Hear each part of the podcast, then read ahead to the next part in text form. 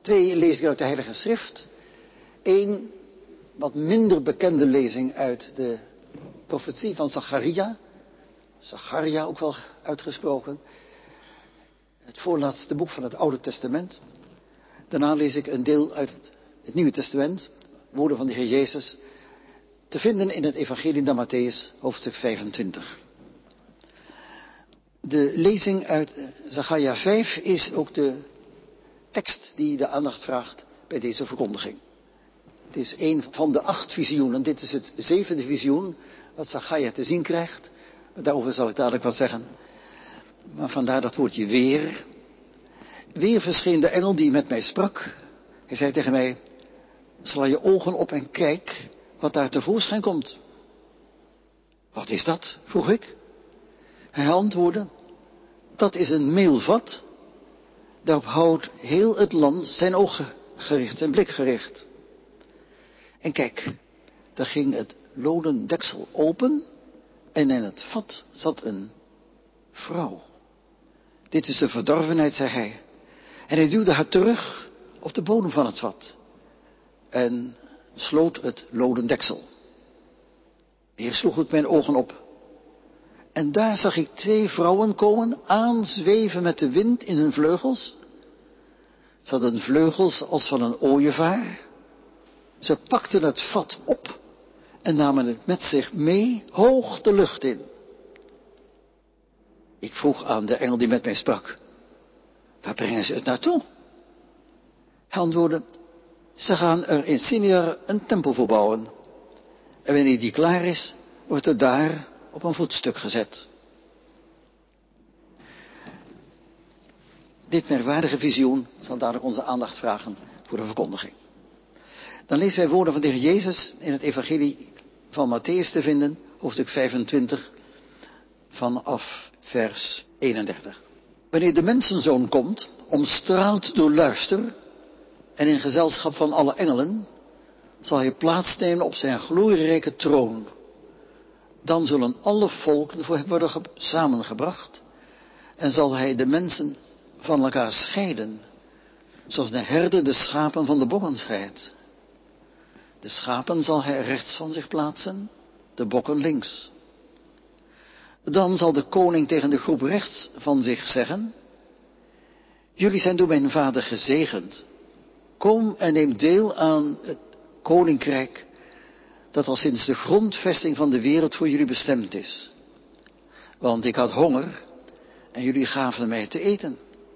Ik had dorst en jullie gaven mij te drinken. Ik was een vreemdeling en jullie namen mij op. Ik was naakt en jullie kleden mij.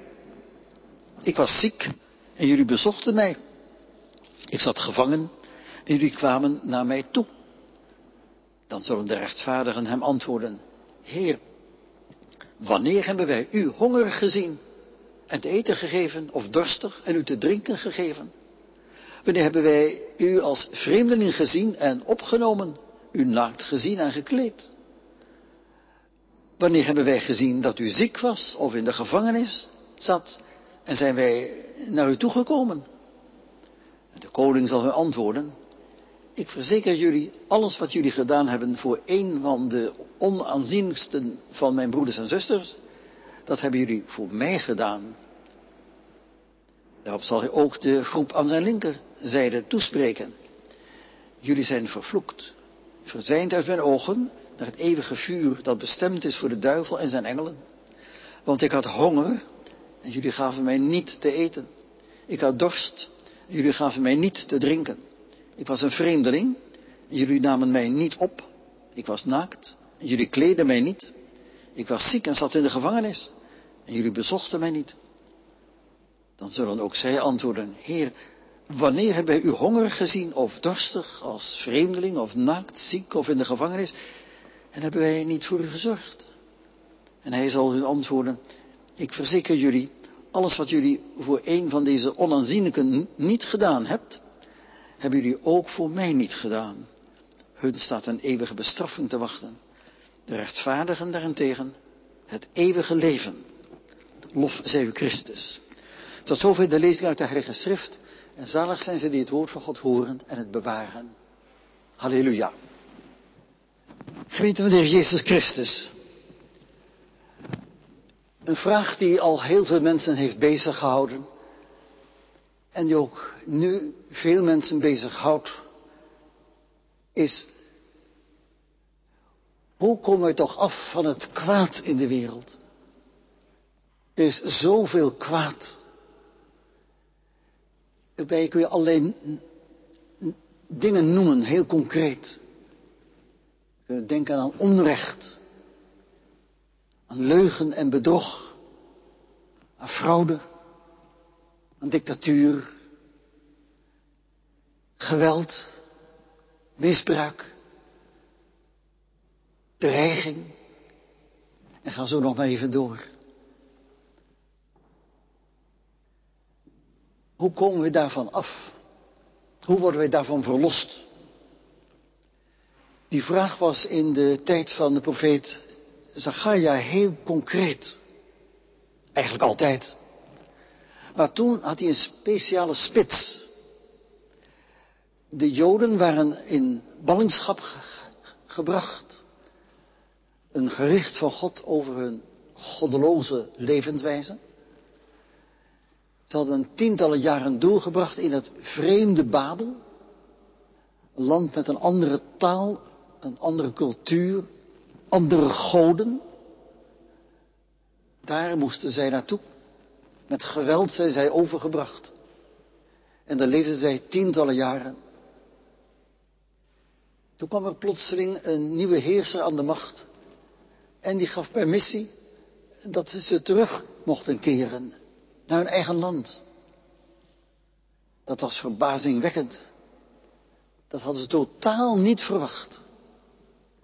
En je kunt je voorstellen dat de mensen in de gezinnen en vrienden onder elkaar erover spraken en elkaar aankeken en zeiden, wat zullen wij doen? Wij mogen terug, maar het moet niet. Wij mogen eventueel hier ook blijven. Wat zullen we doen? Wat is voor, ons, voor onze kinderen het beste? Toen werd er een keuze gemaakt. Een aantal mensen zei, we gaan. We gaan terug naar het land waar we eigenlijk thuis horen. Het land dat onze God ons ooit gegeven heeft. Even terug. En anderen zeiden, nee, we hebben het hier niet zo slecht. We zijn een beetje geacclimatiseerd. We zijn niet meer zo heel vreemd hier. We blijven hier. En zo trok een deel terug en anderen bleven. Maar daar in het Joodse land, waar ze dan aankwamen na een maandenlange reis, heel moeilijk en zwaar was, viel het daar verschrikkelijk tegen. Want de stad Jeruzalem lag in puin. De tempel lag in puin. En als er wat huizen stonden, werden die door vreemden bewoond. En ze waren er helemaal niet welkom. Er was niemand die zei, wat fijn dat jullie gekomen zijn. Ja, wat moesten ze nu? Eerst maar iets voor onszelf zien te bouwen, dat we weer een beetje hier kunnen wonen. En de tempel dan? De tempel, nu ja, dat komt dan later wel. En in die situatie trad een profeet op, Haggai, die de mensen bestrafte. En zei, nu denken jullie allemaal aan jezelf, aan je eigen huis. Maar jullie denken niet aan het huis van de Heere God. Dat is de plaats waar wij mogen samenkomen om hem te prijzen, zijn naam te beleiden, waar offers worden gebracht, waar de heilige wet wordt uitgelegd. Heeft hij dan geen voorrang, die plaats? Haggai was een profeet en een andere profeet was Zacharia of Zacharia. Van hem, van die laatste, van Zacharia, weten we dat hij van beroep eigenlijk priester was. Hij moet toch een jongeman geweest zijn, die ook die verre reis heeft gemaakt, terug naar het land, zijn oude stamland. En hij zou dus ook dadelijk in de tempel gaan dienen. En misschien was er wel een altaar opgericht waar wat offers werden gebracht. Zo in de open lucht.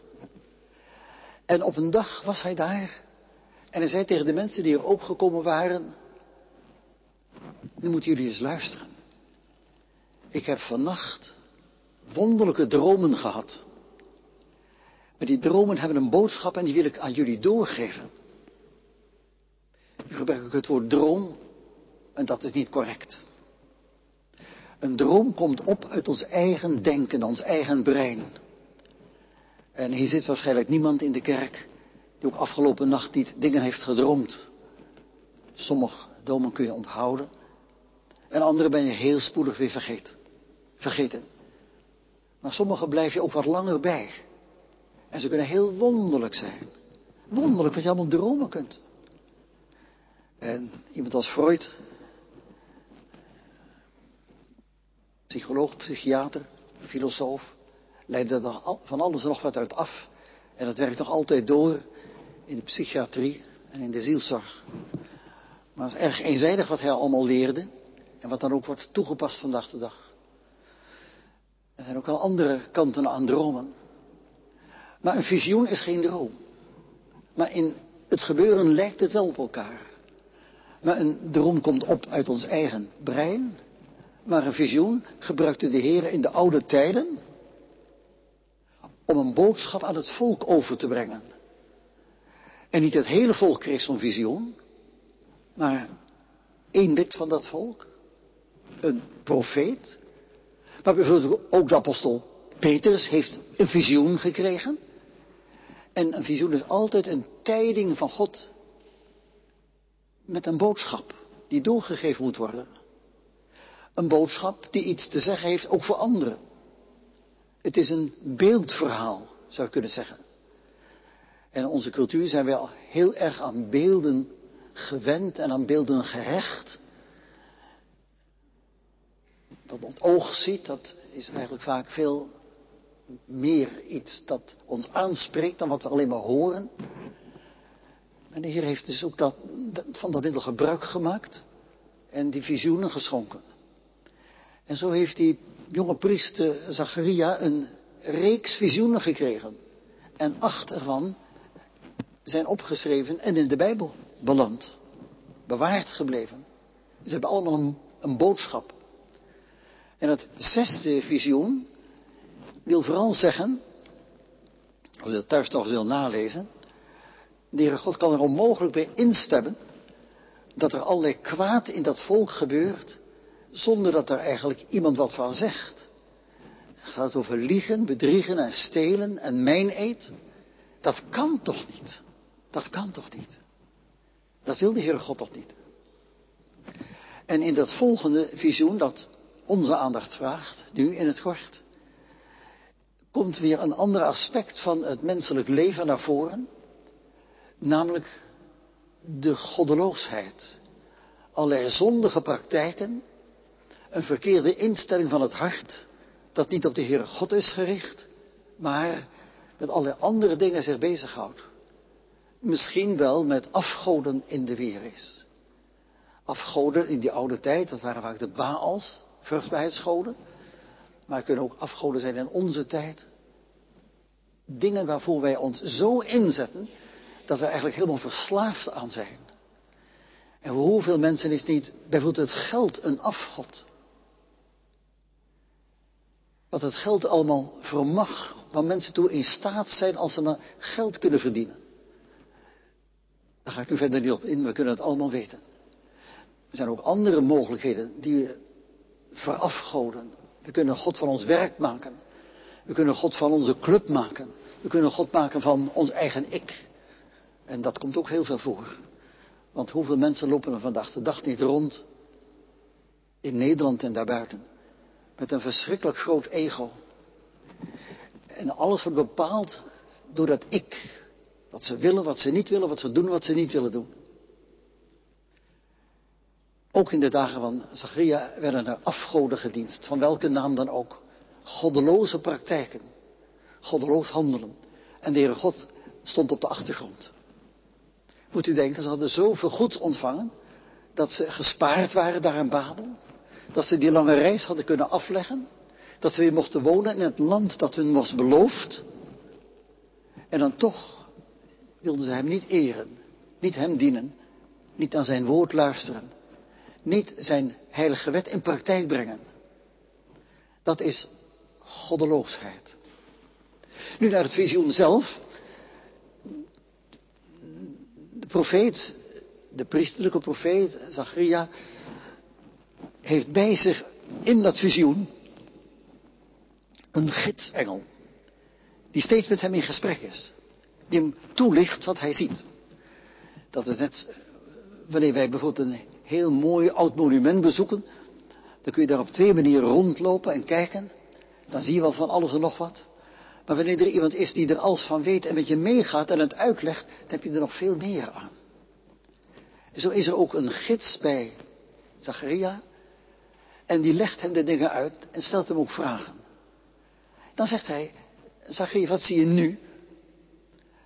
Dan zegt hij, ik, ik zie nu een, een, een, een vat tevoorschijn komen. In de oudere vertalingen staat een eva. Dat is een inhoudsmaat van ongeveer 35 liter. Werd gebruikt in de handel om koren af te meten. Dat vat is daar. Er zit een deksel op. Dat deksel is van lood. En kennelijk is dat vat ook heel stevig gemaakt. En uh, de profeet kijkt de, de engel aan en zegt, ja maar wat, wat moet ik daar nu mee? Wat is dit dan? Hij zegt, daar zit de goddeloosheid in. Dat is vrouwengoddeloosheid. Verdorvenheid. Het woord risha uit het Hebreeuws kun je op verschillende manieren vertalen. Verdorvenheid, goddeloosheid. Opstand tegen God. Revolutie. Afwijken van de wet van God. Tegen God ingaan. Dat zit allemaal in dat ene woord. Risha in het Hebreeuws.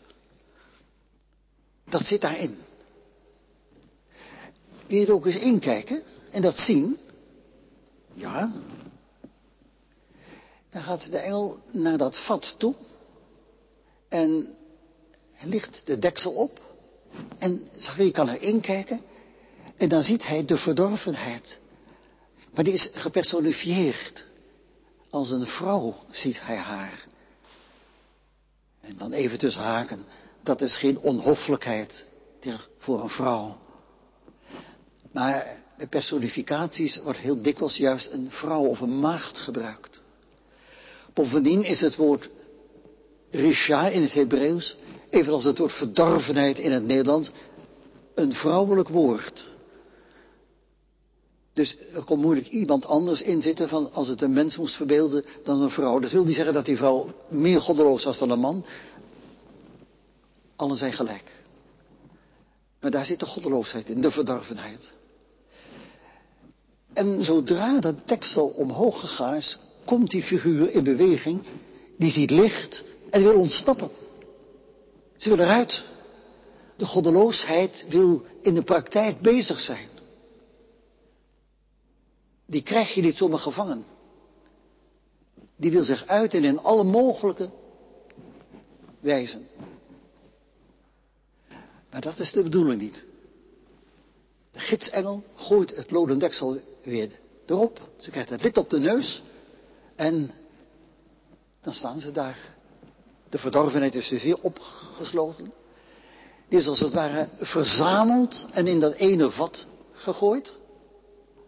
Alle mogelijke vormen van verdorvenheid, goddeloosheid, wetteloosheid, alles wat tegen God is. En wat ook eigenlijk tegen de mens is, dat is opgeborgen in dat vat. Maar wat nu? Kleine pauze. En daar hoort de priesterprofeet gesuis in de lucht. En hij kijkt. Er komen twee vrouwelijke wezens aan met grote vleugels als van een ooievaar. En de wind staat erop en die maakt die vleugels helemaal bol en wijd. En dan ziet hij hoe ze naar beneden duiken. En ze gaan naar dat vat toe. En ze pakken het op. En ze voeren het weg. Ze nemen het mee de lucht in, hoe zwaar het ook mag zijn. En dan gaan ze. En Zacharia heeft het nakijken. Hij is sprakeloos. En als hij weer spreken kan, zegt hij, maar waar gaan zij nu naartoe? Waar blijft dat vat? Waar blijft die verdorvenheid? Die wordt dus weggevoerd uit het Joodse land vandaan, uit Jeruzalem vandaan. Waar gaat het naartoe? Enkele reis Sinjar. Dat is de bestemming. Sinjar. Een oeroude naam voor een gebied van Babel. Ooit heeft Nimrod daar zijn rijk gesticht. En later werd daar de stad Babel gebouwd. Daar kregen de mensen last van hoogmoedswaanzin. Ze wilden een toren bouwen waarvan de top zou reiken tot in de hemel. En zij maar bouwen. Al hoger en hoger. En toen ging het mis. Heer God zag dat aan. En maakte daar een eind aan.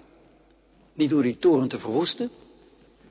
Maar hij verwarde de spraak. Het werd een Babylonische spraakverwarring. Ze konden elkaar niet meer verstaan.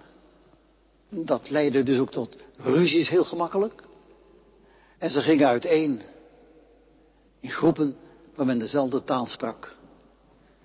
Ze heeft Heere God verijdeld dat die hoogmoed, die waanzin, haar zin zou krijgen.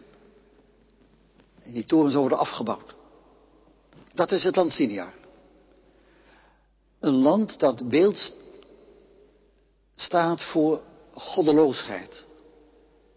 Opstand tegen God. Verwatenheid. Boosheid. Daar gaat die verdorvenheid naartoe. Die wezens die daar zweven met die bolle vleugels, brengen dat vat daar naartoe. En dan wordt er een huis of een tempel gebouwd. En daar wordt dat vat neergezet. Daar hoort de verdorvenheid thuis. Je zou kunnen zeggen, soort bij soort. Wat niet in Israël thuis hoort, wat niet bij de Heeren er eh, door kan en mee door kan, wat tegen hem ingaat, dat wordt afgevoerd naar de plaats Siniar. Plaats van verdorvenheid, boosheid, opstand tegen God. Het is dus een, zeg maar, een lokale oplossing voor Jeruzalem en omgeving. Het is ook maar een tijdelijke oplossing. Want als die verdorvenheid dus weg is, dan kan daar die tempel worden gebouwd. Kan daar de naam van de Heer zijn intrek nemen in de tempel. Dan is de omgeving niet meer verdorven, maar dan zijn de mensen die naar God luisteren. Die het menen wanneer ze komen om zijn lof te zingen. Die het menen wanneer ze komen om offers te brengen. Die het menen wanneer zij zijn naam beleiden. En die ervoor openstaan als de wet wordt uitgelegd om die in praktijk te brengen. Want de wet van God is een ontzaglijk groot voorrecht. De wet van God zouden wij kunnen vergelijken met regels voor het verkeer. Stel voor dat er geen verkeersregels waren. Dan kon je eigenlijk je niet op straat begeven. En wanneer men algemeen die niet meer zou houden, werd het ook wel chaos en levensgevaarlijk. Zo heeft Heer God levensregels gegeven. We vinden ze vooral in de tien woorden in Exodus 20. Maar er zijn er meer en uitwerkingen daarvan. Opdat het leven leefbaar zal zijn. Maar in de verdorvenheid houdt men absoluut geen rekening met die levensregels van God. Want dan laat men Hem niet aan het woord. Dan laat men Hem niet de eerste zijn. Dan is er iets anders of iemand anders of het eigen ik dat de eerste viool speelt. De verdorvenheid. Men heeft God nu afgevoerd. Het is een merkwaardig beeld voor geduld van God met het kwaad. Zelfs als u dat wilt, zeg ik, een beeld voor zijn vergeving. Hij doet de verdorvenheid weg. Maar is daar nu alles mee gezegd? Nee, er zijn nog andere visioenen en meer prediking. Door Zacharia tot het volk gericht. Maar daar ga ik nu even aan voorbij. En ik herhaal die vraag van het begin. Hoe gaat die verdorvenheid de wereld uit? Dat verkeerde. Dat zo gevaarlijk is voor het menselijk leven. En ik heb wel dingen opgesomd. Onrecht en geweld en fraude en alles meer. Ja, maar daar gaat iets aan vooraf. Hoe komen wij zelf van onze verdorvenheid af? Want die verdorvenheid zit niet alleen bij anderen. We moeten niet alleen naar anderen wijzen met een vinger. Nee, houd die vinger maar bij u. En laten we eens naar onszelf kijken. Hoe gewillig zijn wij om de Heer te dienen? Hoe gewillig zijn wij om de Heer Jezus te volgen? Hoe gewillig zijn wij om een getuige van Hem te zijn? Hoe gewillig zijn wij om naar onze naaste om te zien en die behulpzaam te zijn? Zijn wij mensen die onze schuld kennen en voor God beleiden? Zijn wij mensen die weten te knielen voor God en het hart uitstorten voor Hem? En dan weten, er is zo verschrikkelijk veel verkeerd in dat boze hart van mij. Hoe heb ik hoop op de genade van God? Dan moeten wij doorlezen in de Bijbel. En een aantal bladen, bladzijden omslaan.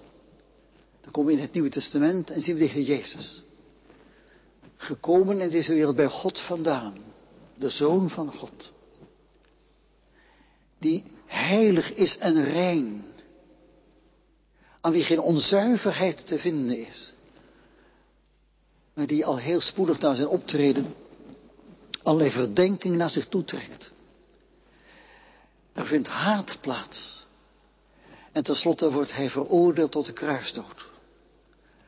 Maar in dat alles is hij, ik kan u maar kort zijn, dan lees het zelf eh, steeds weer na in de Heilige Schrift, vooral in het Evangelie. In het alles is hij het paaslam, de vervulling van het eeuwenoude paaslam dat altijd weer geslacht werd als het paasfeest werd in Israël. Hij is het paaslam. Hij gaat aan de plaats van het gericht. Hij biedt zijn leven God ten offer aan. Hij wil sterven in onze plaats. De schrift zegt van hem dat hij onze zonde voor zijn rekening heeft genomen, onze schuld heeft gedragen. Ja, dat hij een vloek is geworden, opdat God u en jou en mij zou kunnen zegenen. Het is het geheimenis van Gods verzoenende liefde. God was in Christus de wereld met zichzelf verzoenende. Dat heeft Christus alles gekost. Dat heeft hem zijn leven gekost. Zo is hij in eenzaamheid gehoond en gesart gestorven. En zelfs zijn roep tot God kreeg geen antwoord. Mijn God, mijn God, waarom hebt gij mij verlaten? Had altijd met God geleefd. En nu heeft God hem verlaten. Staat zo heel mooi in een van onze oude documenten van de Vaderlandse Kerk. Opdat wij nooit door hem verlaten zouden worden. Heeft het alles in onze plaats gedragen. En het antwoord van God komt op de paasmorgen. De derde dag. Vroeg in, op de zondag. Daar komt het woord van God. Dat reikt tot in de diepten van de dood en van het graf. Mijn kind, sta op. Uw offer is aanvaard. De vloek is beëindigd. De dood is voorbij. Ik stel u in het leven. En Christus komt niet terug in het vergankelijke leven, maar breekt door het donker van de dood heen en staat in het onvergankelijk leven om nooit weer te sterven. Hij is het die het voor ons heeft opgenomen. Onze verloren zaken tot een zijn heeft gemaakt. En wanneer u moed wil vatten, broeders en zusters in de kerk, zie dan op Hem. Die alles heeft gedaan om ons met God te verzoenen en te verenigen. Zodat er geen dag in ons leven meer zal zijn dat God tegen ons is. Ook als wij door de diepten heen moeten. Want we worden geroepen tot navolging. En dat betekent dat het leven lang niet altijd gemakkelijk is. Dat het lang niet altijd voor de wind gaat. Wij zijn hier in West-Europa al tientallen jaren lang ontzettend verwend. Met heel veel gemakken en voorrechten. Maar er kunnen wel eens andere tijden komen. Misschien is deze hele coronacrisis een, een voorportaal van, een voorbode van andere tijden. En misschien wordt het nog veel onrustiger in deze wereld. Want er is ontzettend veel onrust. En ik las ook met verschrikking dat de, de, de kernmogendheden weer actiever worden om ook eventueel dat verschrikkelijke materiaal te gaan gebruiken. Waar staan wij nog voor? Waar moeten wij nog doorheen? Maar hij die gezegd heeft, ik ben met u alle dagen houdt zijn woord. Zult het onthouden? Wil jij het onthouden? Geen dag of hij wil met ons zijn. En ook met u en met jou zijn. De dagen dat het ons goed gaat, vergeet niet hem te danken. De dagen dat het moeilijk is, dagen van ziekte, van teleurstelling, van dat het allemaal niet lukt. Dat er spanningen zijn in je gezin, in je huwelijk, moeilijkheden op je werk, misschien wel failliet gaan van je bedrijf, wat ook. Het kan allemaal gebeuren. Maar nooit zal de Heer Jezus één van de zijnen in de steek laten of afstoten. Ik heb ondervonden dat heel wat vriendschappen beëindigd worden. Soms sterven ze gewoon af. En soms wende iemand zich van je af. Maar deze vriend laat je nooit vallen uit zijn hand. Nooit. Ook niet op de dag die eens voor ons allen aanbreekt. Die voor ons de laatste dag zal zijn. Hij is er en hij gaat mee. Dat is dus het antwoord, een kort antwoord. Wat strak, ik kan het allemaal niet uitbreiden, de tijd gaat door. Waar het verdorven van ons eigen leven naartoe moet, wat gebleven is. God heeft het Jezus aangerekend. En daarom is onze verdorvenheid weg door Hem weggenomen. De doop is een beeld daarvan dat wij worden gewassen en gereinigd. Om kind van God te zijn, zijn eigendom te zijn, in leven en in sterven. Maar dan die grote wereld. Ja, daar sloeg die tweede lezing op. De lezing uit Matthäus 25. We gaan toe naar de dag van het gericht. Heeft de Jezus uitdrukkelijk verteld. Er is een laatste dag. Een komen van hem in glorie. Dan niet in de verborgenheid zoals in Bethlehem bij zijn geboorte. Maar een komen in glorie, zo staat het er ook. Omstraald door luister. In gezelschap van de engelen. Dan roept hij alle mensen voor zich. En er zijn er uiteindelijk maar twee groepen. En die gaan uiteen. Het is aanvankelijk één grote bonte menigte. Maar hij roept de zijnen naar voren toe. Het is een, alsof een magneet de kleine ijzerdeeltjes zo naar zich toe trekt. Zij voordat hier die tafel vol ligt met kleine ijzerdeeltjes en een heleboel zand daartussen. En je houdt er een magneet bij, dan blijft dat zand liggen. Maar die, die, die kleine ijzerdeeltjes gaan naar de magneet toe. Zo trekt hij de zijnen naar zich toe. Al degenen die hem hebben liefgekregen. Die van zijn liefde hebben geleefd. En hij stelt hun een vraag. Hij stelt hun vragen. Jullie gaan naar het eeuwige leven toe. Want toen ik arm was, heb je naar me omgekeken. Toen ik ziek was, heb je me bezocht. Toen ik honger had, had je eten voor me. Toen ik dorstig was, kwam je met water. En nog veel dingen meer. En ze vragen dan, maar wanneer hebben we dat dan gedaan? We weten het niet eens. Wat u aan de minsten hebt gedaan, mijn onaanzienlijkste, mijn arme broeders en zusters, dat hebt u aan mij gedaan. Het is als het ware hun tweede natuur geworden. Omdat dat eerste boze ik klein gemaakt is door God. En omdat het ik herboren is om in de naval van de Heer Jezus Hem te eren, te volgen, te dienen, is er dat omzien naar elkaar. Dat zich inzetten voor anderen. Een groot en een trots ik doet dat niet. Dat heeft het altijd over zichzelf. Je hebt mensen die ontzettend zelfbeschäftigd zijn. Altijd maar bezig met hun eigen zaken.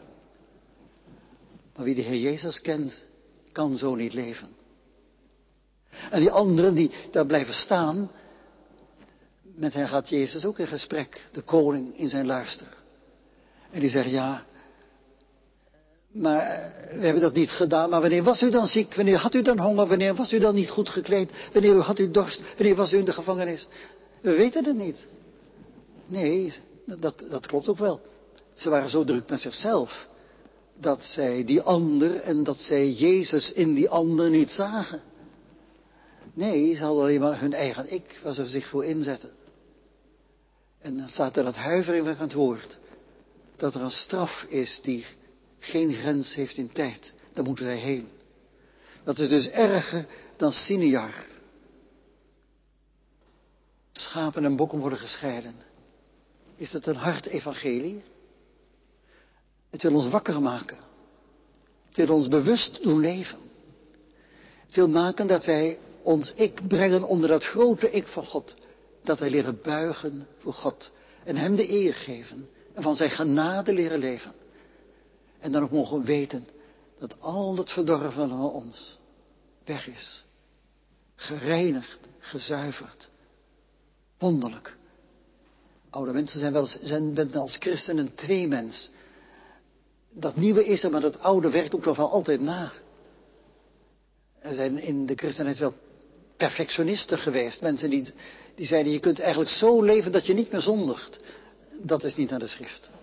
Nee, we komen allemaal erg tekort. En daarom kan ook geen dag zijn of wij buigen ons voor de Heer neer. En wij bespreken alles met Hem. In de ochtend vragen of Hij met ons wil meegaan.